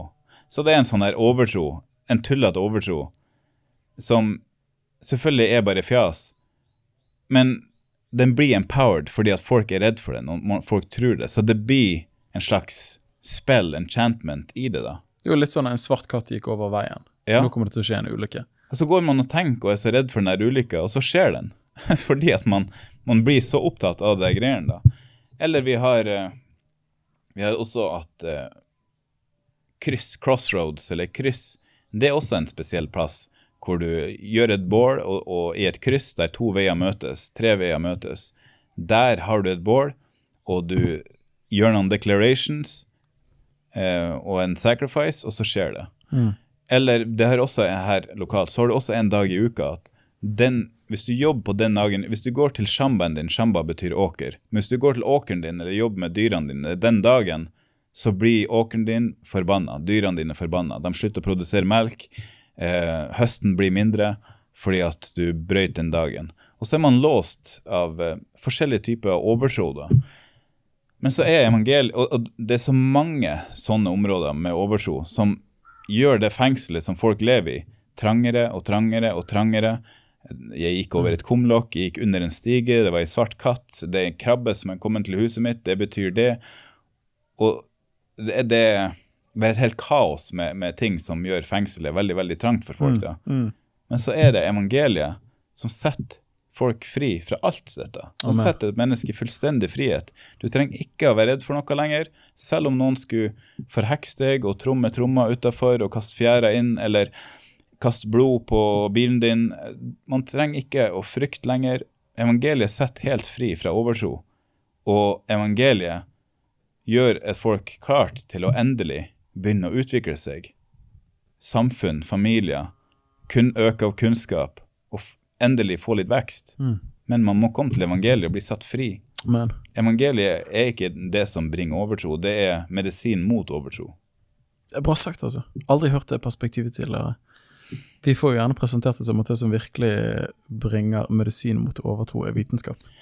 Hvis det er et land som er sliter veldig mye med overtro, så blir det ikke hjelp med å drive og sende eh, charity eller skoler, eller det som man trenger, er en misjonær som kommer med evangeliet og får satt folk fri fra overtro. Og forteller om den virkelige substansen i den åndelige verden. Ja, absolutt. Det er jo litt sånn som du sier, for hekseri og alle disse tingene her er jo skyggeside av det, Det som er den reelle substansen, som er Jesus Kristus. Skyggesida og kopier av det som er ekte. Mm. Satan kopierer det som er vakkert, det som er ekte, og fordreier det. Og hekser, de har transer, men det betyr ikke at alt av transer er mørkt fordi det er transer. Kristne, Esekel, Johannes, Peter på taket opplever jo også transer. Men Satan tar det som Gud gjør, og gjør en lesser versjon, en dårlig kopi av det. Mm. Og han tilbyr et annet kingdom som du går inn i, da, enn Guds rike, da. Du har helbredelse, Ja. men som djevel gjør gjennom healing og andre ting. Så det blir en litt annen form for helbredelse. Så det blir ikke fullverdig helbredelse som du oppnår ved navnet Jesus. Så der er det en mer sånn For han tar mer Du kan- enn ja. Jesus, som vi snakket om. Du kan ommøblere i ditt eget hus, f.eks. Ja, ja.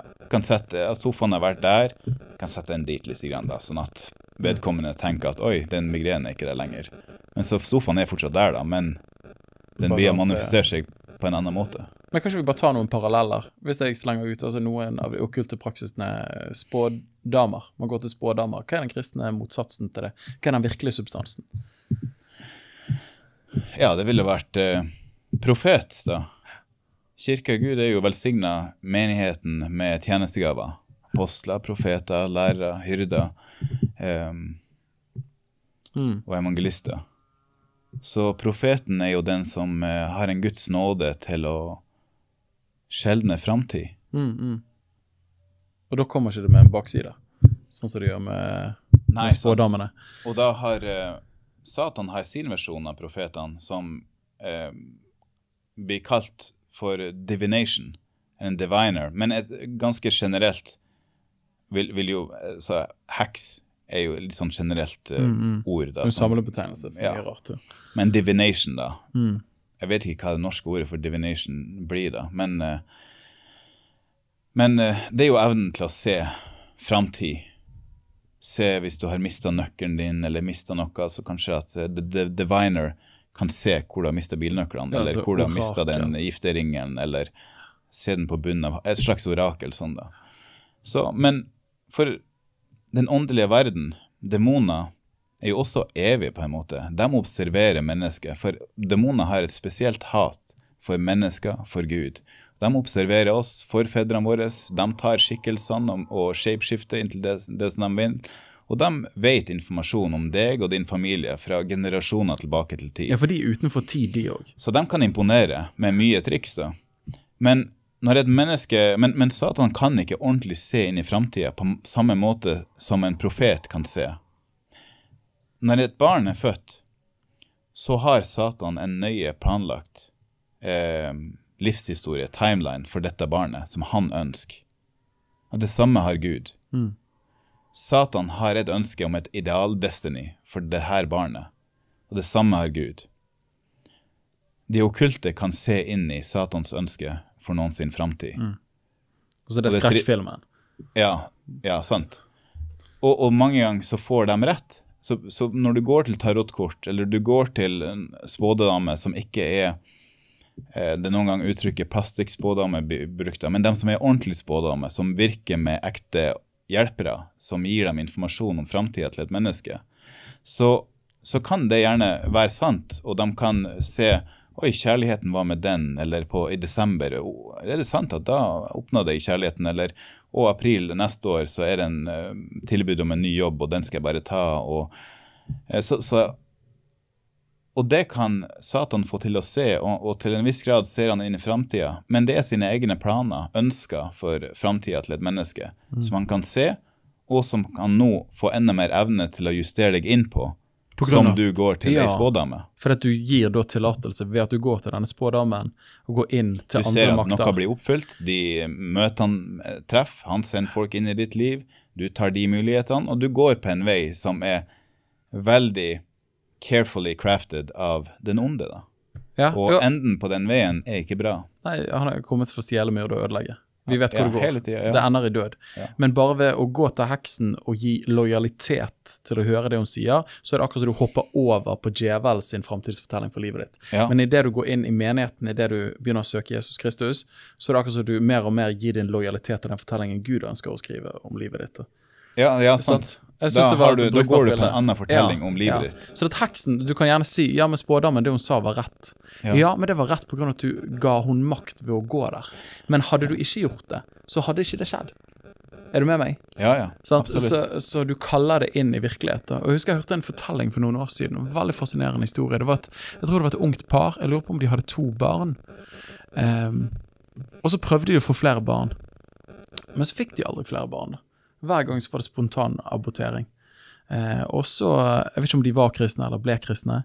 Eh, og så begynner de å få åpenbaring på det at eh, hei, vi gikk til en spådame en gang, og hun sa vi skulle få to barn. Og da, etter at de omvendte seg fra det og brøt makten over de ordene hun hadde sagt, Ja. da stoppet spontanabortene, og så fikk de flere barn. da. Ja. Men det bare illustrerer poenget du sier. da. At djevel har en fortelling med livet ditt, og gir du han lojalitet og makt, så ja, det kommer til å skje. Men det er ikke pga. at det var det som var nødt til å skje, og det som faktisk hadde skjedd. Men det endte opp med å skje fordi du ga han makt til å skrive den fortellingen med livet ditt. Ja. Ja, ja, helt sant. Så utfordringa er jo også at eh, å gå til, til ei, ei spådame er en veldig tydelig form for heksekraft. Fordi det er så opplagt at dette er også, til og med i Norge, allmennkjent at dette er okkultisk praksis. Det vet alle fra gamle dager av. Men i det moderne samfunn så er også dette med heksekraft har vevd seg inn i alt, nesten. Ja, horoskop. Innenfor medisin. Tarot, Du går til sykehuset, du skal føde, de begynner med nåler, de begynner med Og folk ikke engang vet at ting har røtter fra heksekraft. Og, og det er vanskelig Og veien blir bare smalere og smalere eh, som verden eh, utfolder seg og involvere heksekraft i alt som, som skjer da. Så for å eh, Måten verden er på nå, så må man faktisk være Man må ta seg bryet og studere mørket. Man må ta seg bryet og tenke at det som den onde har i sinne, det ønsker jeg å ikke være eh, ubevisst på. Det, jeg det, det må jeg vite. Fordi du er nødt til å være litt radikal på din vei med Jesus. Du kan ikke bare gå gjennom livet, ikke lese Bibelen, ikke praktisere bønnelivet, følsomhet med en hellig ånd, og bare tenke at dette er Eh, Så i hvert fall er det ikke ei løype som jeg har valgt å lagt meg på. Jeg gjør et tydelig skille på det, og jeg eh, gjør alt som står i min makt på å gå på rettferdighetens vei. Eh, Fordi det er mange ganger så begynner heksekraft begynner med de snille demonene, de mildere, eh, nesten det usynlige, det vage. For Satan er som en slange. Han er en slange i et gress, han sniker seg, og han lurer folk, og synden av naivitet er stor. Ja, han blant folket. om, eh, omformer seg til lysets engel. Det gjør han Så, også. så, så man kommer i innpakning av, av det gode. Det er helt sant. Men så er det ondskap bak, da. Så han er sneaky. Han er Ja, sneaky. Og sånt djevelens listige planer, listige angrep. Les, jeg tenkte på det i går, men Efeserbrevet er jo kanskje det fremste brevet i Det nye testamentet hvis du har lyst til å få innblikk i den åndelige dimensjonen. Ja. Og ikke minst det sjette kapittelet der. Altså Ta på deg Guds fulle rustning, sånn dere kan være i stand til å stå imot på den onde dag, men også stå imot alle djevels listige angrep. Ja. For hadde djevel kommet imot deg og sagt ja, hvis du begynner å se på liksom Pokémon, nå tar jeg et gøyt eksempel her, Ja. så blir du full av demoner og full av angst. Så er det ingen som hadde gjort det.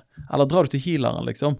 Eh, nei, da kommer du til å bli enda sykere. Det er jo ingen som hadde gjort det. Nei. Men det er et listig angrep av den grunn, fordi du tror at det er godt, men det er egentlig vondt. Ja. Og nå brukte jeg eksempelet med Pokémon, da. Og nå kan ikke jeg si med hånd på hjertet at det er fra djevel, men jeg husker når jeg vokste opp, og mange med meg i min generasjon eh, i Kristen-Norge, vi fikk ikke lov til å holde på med Pokémon-kort. Og jeg syntes det var kjipt, for alle kompisene mine holdt jo på med det. Ja. Men da var noe av historien at det var noen eh, i en menighet i byen vår, jeg tror det var i Kristkirken eh, der vi vokste litt opp, eh, som hadde hatt en drøm en natt der det kom mange Pokémoner foran øynene hans. Og dette var jo veldig populært på 90-tallet. Og så hadde han stoppet med en Pokémon, og så hadde han stilt han spørsmålet 'Who's your God?' Og så hadde han bare sagt 'Lucifer'. Og det var jo en sånn åpenbaring, da. Som begynte å spre seg som eh, ild i tørt gress i våre sammenhenger. Så jeg fikk jo ikke lov til å ha Pokémon. Så klart, man skal skjelne mer, eh, videre, da. Men jeg tror likevel det er et poeng, sånn som du sier, at hekseri og det okkulte det sniker seg inn i veldig mye mer enn at du går og banker på en dør til en spådame. Bare da er det okkult. Nei, nei, nei. Ganske mye av de TV-programmene vi ser, eh, storyer du ser på sosiale medier, eh, det er mer subtil okkultisme enn det vi er klar over. Eh, Så faktisk det, så Du refererte til 2. Korinterne 2,11, er det vel, der Paulus sier at eh, for hva djevel har i sinne, er vi ikke uvitende om. Ja. Eh, og det har vi snakket litt om òg, for det kan være en litt sånn kristen tilnærming. Sant? Og Bill Johnson, eh, som, som mange karismatikere ser opp til, har sagt det sånn at eh, jeg er ikke opptatt av djevel. He doesn't impress me. Så jeg fokuserer ikke på han. Eneste gangen jeg fokuserer på djevel, er når jeg holder på å sikte på noe og gjøre noe for Guds rike, og så kommer han foran blinken. Da skyter jeg. Eh, og på en måte, helt sant, det viktige er at du lever sammen med Jesus, at du har et liv i bønn og bibel, at du har glede i Gud. Det er det viktigste. Men du har òg kommet med litt sånn en motforestilling, i den forstand at det er faktisk viktig å educate yourself. Nå begynner jeg å snakke litt engelsk etter å ha vært her i to måneder, men det er litt viktig faktisk å undervise deg sjøl om den åndelige dimensjonen, sånn som du har lagt ut nå om hekseri og andre ting, for faktisk å kunne applisere evangeliet på en god måte. For hadde du kommet ned i denne communityen her, vært helt grønn på det åndelige, Ja. men bare forkynt evangeliet, så hadde det vært bedre enn ingenting. Men du er i dag mye mer istandsatt til effektivt å kunne la evangeliet hjelpe dem, for du kjenner til noe av mørket de er i. da. ja. Ga det mening? Det tror jeg du har helt rett i. Og jeg syns at uh, kristne har feil mange ganger i sin tilnærming, og, og mener at å, vi må ikke lære om det eller se på det, eller i det hele tatt, det er bare Jesus, eller Men man må ha flere tanker i hodet samtidig. Det syns jeg. Uh, og du kan se at bare i den lignelsen, når Jesus ønsker å vise eh, undervise hva er kjærlighet, når det er snakk om denne lignelsen om den varmerte samaritan, som en undervisning om kjærlighet. I den samme undervisninga om kjærlighet så underviser Jesus også om ondskap. To former for ondskap. Den likegyldige ondskapen som du finner blant den levitten og den presten, og den, bare den rene, mørke ondskapen fra de kriminelle. Så i den samme historien du ønsker å oppnå kunnskap om kjærlighet, så er du nødt også å lære hva er ondskap. Også i kong Salomo, han som ble en vismann, kjent for å være vis, vis, vis. Han la sitt hjerte til å studere visdom, men det står også at han la sitt hjerte til å studere og kjenne dybdene av galskap. Hva er galskap?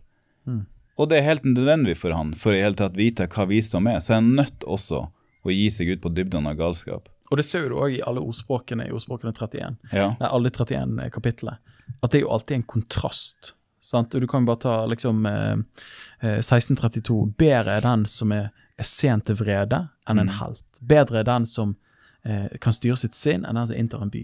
Ja. Så han tar alltid og kontraserer visdom, men òg med dårskap. Ja. Så akkurat det du sier der eh, Du kan På en måte så er det nødvendig, skal du kjenne evangeliet, skal du virkelig ta imot evangeliet, så må du vite hva det vil si å være fortapt. Skal du virkelig bli frelst, så må du vite hva det vil si å være fortapt. Ja, altså, absolutt. det på en måte vi det henger sammen. Skal vi bli gode på befrielse, da, så må vi vite hva frihet er, men vi må også vite hva ikke-frihet er. Mm. Det er helt nødvendig for at man skal bli en, en, en, en, en god eksorsist, eller en befrielsestjeneste, hva man vil kalle det. Det er helt sikkert.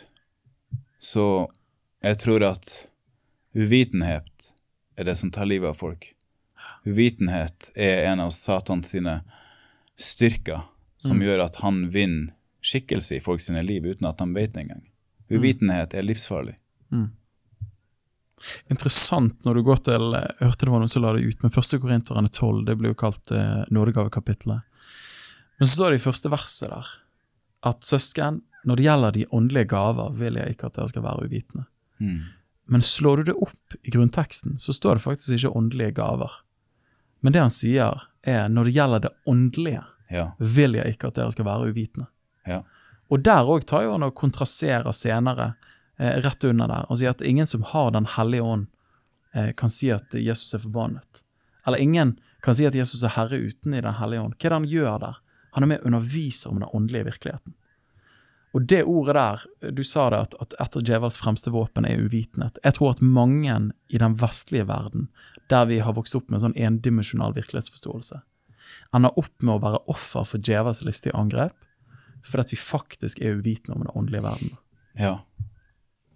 Ja, så jeg tror at hvis du skal leve dette at uh, jeg skal ikke uh, Jeg skal ikke bry meg om Satan eller fokusere på han med mindre han uh, kommer på min vei. Så klart og tydelig at jeg kan se han. Så hvis du skal gå med, med et sånt sløvt øye for det onde, da, så blir fruktene av det å straffe seg så grusomt. Du blir av en opp eh, Ja, jeg tror ikke jeg vil gå dit engang, men da blir det ofte for seint. Eh, det, det ender opp med folk i grusomme synder som plutselig kollapser og eksploderer i frafall og absurde ting, og du oppdager det for seint. Du blir mange steg bak. Så det kan gjerne høres smart ut, men det er ikke smart. Men selvsagt også skal jeg si at jeg går ikke rundt og, og jakter etter den onde, eller noe sånt, men jeg prøver å ha et øye som ser forbi det naturlige. Jeg prøver å ha et øye og ikke være naiv. Jeg går ikke rundt i frykt. Jeg maner ikke til at folk skal leve i frykt, men jeg maner til at folk burde være forsiktige og lære seg å se. Ja, da, Jesus sier det vel, det er Matteus 10,51, der han sier at uh, sannelig sier dere, vær våken. Ja, Du skal være vise som slanger og enfoldige som duer. enda bedre å si det på den måten. Sant? Altså, du- skal være våken. Og så tenker jeg også bare ref nådegavekapitlet, men en av de ni nådegavene er jo evnen til å skjelne ånder. Hvorfor Ja. i alle dager skal du ha en evne til å skjelne ånder, hvis du bare skal kjenne på Den hellige ånd? Ja, sant. Og hvorfor er det en gave som er overnaturlig? Det er fordi at det er vanskelig å gjøre i det naturlige. Det, det er ikke enkelt å skjelne ånder, og det er ikke noe som Det er masse ting som ikke ligger for det blotte øyet til å se. Så det er rett og slett en overnaturlig gave, fordi at det er, det er vanskelig. Det er en, en del ting som må bli overnaturlig avslørt for deg. Jeg bare fikk et quote i hodet mens vi snakket nå. At i møte med den onde skal vi ikke være imponert, men vi skal være informert. Amen. Ja, Var ikke det greit? Power for this hour. Hva vil du si på det? Nei, for jeg er jo, jeg tror, Bill Johnson tror jeg hadde vært helt enig med oss når han sitter og hører på oss her, men jeg tror man kan ta noen av sitatene og så kan du twiste det litt. Grann. Ja, ja. Eh, men så klart, vi skal ikke være imponert over djevelen. Sånn som du sier, Jeg oppmuntrer ikke til folk skal gå rundt og se en demon bak en bærbusk, og at folk skal være redd. Nei, nei, nei. Jesus er herre, vi lever i fred. ja. Men vi er heller ikke uvitende om djevelens listige angrep. For hva han har i sinne, er vi ikke uvitende om. Helt sant. Og gi ikke djevel rom, sånn til Efeserne 4. Men hvis ikke du skal gi en rom, så må du vite hva det vil si å faktisk gi en rom. Ja. Sant? ja. Uh, Det er helt nødvendig. å, jeg kjente jeg ble giret her, Stig. Altså, dette har vært så, så spennende å snakke om disse tingene her. Vi har allerede snakka ganske lenge, men, men det er et så stort tema. Det er Ja. så mange ting som vi kunne fortsatt å Som jeg gjerne skulle ha delt på podkasten nå, da, men jeg tror vi må ha en oppfølgingsepisode. Men jeg vil, at, jeg, jeg vil også bare si at jeg er fullt klar over at det vi har snakket om nå, har vært i veldig korte trekk. Og jeg er helt enig om at det er masse ting som kanskje skulle ha vært eh, eh, snakka mer om, og at noen ting gikk vi for fort igjennom, og det er mer ting som skulle vært sagt, og dette er et stort evne vi bare har berørt litt. Grann, da. Men kanskje det vekker noen gode spørsmål, så jeg vil oppmuntre lytterne til å legge igjen spørsmål i comment section under. da. Og så tar vi det videre derifra. Det kan være kjempespennende. Så vi kan ta en oppfølgingsepisode, og så i tillegg ser vi på de spørsmålene som kommer inn. da. Det var en veldig godt, eh, godt innspill. Så send inn eh, spørsmål inn Ja. disse tingene her, og så blir det en oppfølgingsepisode med enda mer eh, å gå i dybden på de ulike områdene. Amen. Ja. Da er det ett spørsmål jeg har nødt til å avslutte med. Ja. Det er eh, Hva er det sterkeste navnet i hele universet? Hvis folk hører på dette, og så er de litt redd. Come on, det er navnet Jesus. Hey, Kan du den sangen? navnet Jesus, Ja. den kan jeg. Okay. Så hvis du er redd, syng navnet Jesus. Ja. Men uansett, vit det. Filipperne 2,9. Derfor har Gud høyt opphøyet han og gitt han navnet som er over ethvert annet navn. For at enhver skapning, både de som er i himmelen og på jorden og under jorden, skal bøye kne og bekjenne at Jesus Kristus er Herre, til Gud Faders ære. Jeg husker når jeg var liten, så pleide min mor å si Daniel, når du er redd, eh, hvis du kjenner uro, bare si navnet Jesus. Og når du sier det navnet, så må uansett hva som måtte prøve å ta deg og skremme deg, Ja. så er det svakere, og det er nødt til å gå. Og det har vært sånn barnlig, eller elementær visdom som jeg fikk inn som barn, som bare har gitt meg et sånt anker av fred. Bare uansett hva jeg møter, uansett hvilken åndsatmosfære, om jeg kjenner at det står i Jobbs bok, nå begynner vi å snakke her igjen, men, men der sier Jobb, han sier at en, en ånd for over kroppen min, og hårene på min kropp reiste seg. ja. Sånn, så det, og det har jeg erfart mange ganger, at jeg kommer inn i rom og atmosfærer der jeg kjenner at her er ikke det Guds ånd, men hårene på min kropp reiser seg. Jeg kjenner at det er en åndsdimensjon her. Ja. Sånn, Og Jobbs bok beskriver bare den realiteten som objektiv virkelighet. Ja. Men da kan jeg vite det, ok, her kjenner jeg ufred, her er det splittelse, her er det hat. Men jeg sier navnet Jesus. Og da er jeg trygg. Det, det er en utrolig sterk sannhet som er så enkel. Den er nesten så enkel at det er en fornærmelse for de intellekt, intellektet. Da. Men det er også det bibelverset at for hver den som påkaller eh, navnet Jesus, skal bli frelst. Mm. Hver den som påkaller navnet Jesus, skal bli redda, skal bli frelst, satt fri. Så det er hva det er, romerne 10? Er romerne 12 eller 10? Ti. Ja. Så det Så enkelt kan det begynne med. Når man er i nødens stund og man er omgitt av frykta, så klinger seg navnet Jesus. Og det må jeg bare si òg. Nå har vi nevnt han gutten i går som sa at han var redd for å bli gal av og til. Ja. Men han sa jo òg, i form av et vitnesbyrd, at de gangene jeg kjenner at det kommer en makt over meg, og jeg føler jeg blir gal, så nevner jeg navnet Jesus. Ja. Og da gir det seg. Så det er jo fantastisk. Ja. Dis discipleshipping successful. ja. Et Og så får, vi ta det med roten òg.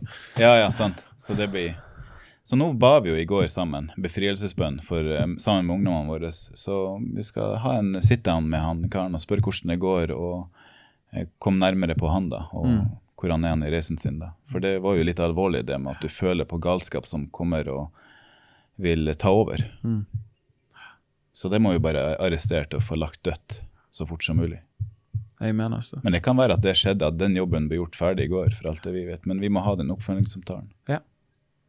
Amen. Du, det tror jeg er en fin note å avslutte på. Navnet Jesus Kristus er større og sterkere enn alt annet. Ja. Kjempebra, Daniel. Takk for eh, nok en eh, powerful podcast. Ja, jeg er bare litt spent på oppfølgerpodkasten, da. For at vi har sikkert ikke fått inn spørsmål før vi har dratt. Men jeg, jeg er jo ikke guru. Nei, guru. Vi går ikke til guruer. Men jeg er jo ikke eksperten her. Det er jo du som er eksperten. Hvis vi gir en teaser på neste podcast Ok, så når vi gjør befrielser på folk her, når det er dramatiske befrielser, når det er åndsmakter som kommer frem og manifesterer seg Det, det mest vanlige, det la jeg merke til når jeg flytta til Kilifi, til kyst, kysten her, det er at folk begynner gjerne å snakke på en annen måte og rop i frykt for dronninga av havet. Det er masse ånder som besetter folk som kommer ifra havet, og de roper i angst og frykt over at de må returnere nå til havet og bekjenne at de har feila i sitt oppdrag foran dronninga av havet. Så det kan vi snakke om mer neste podkast. Wow, bro.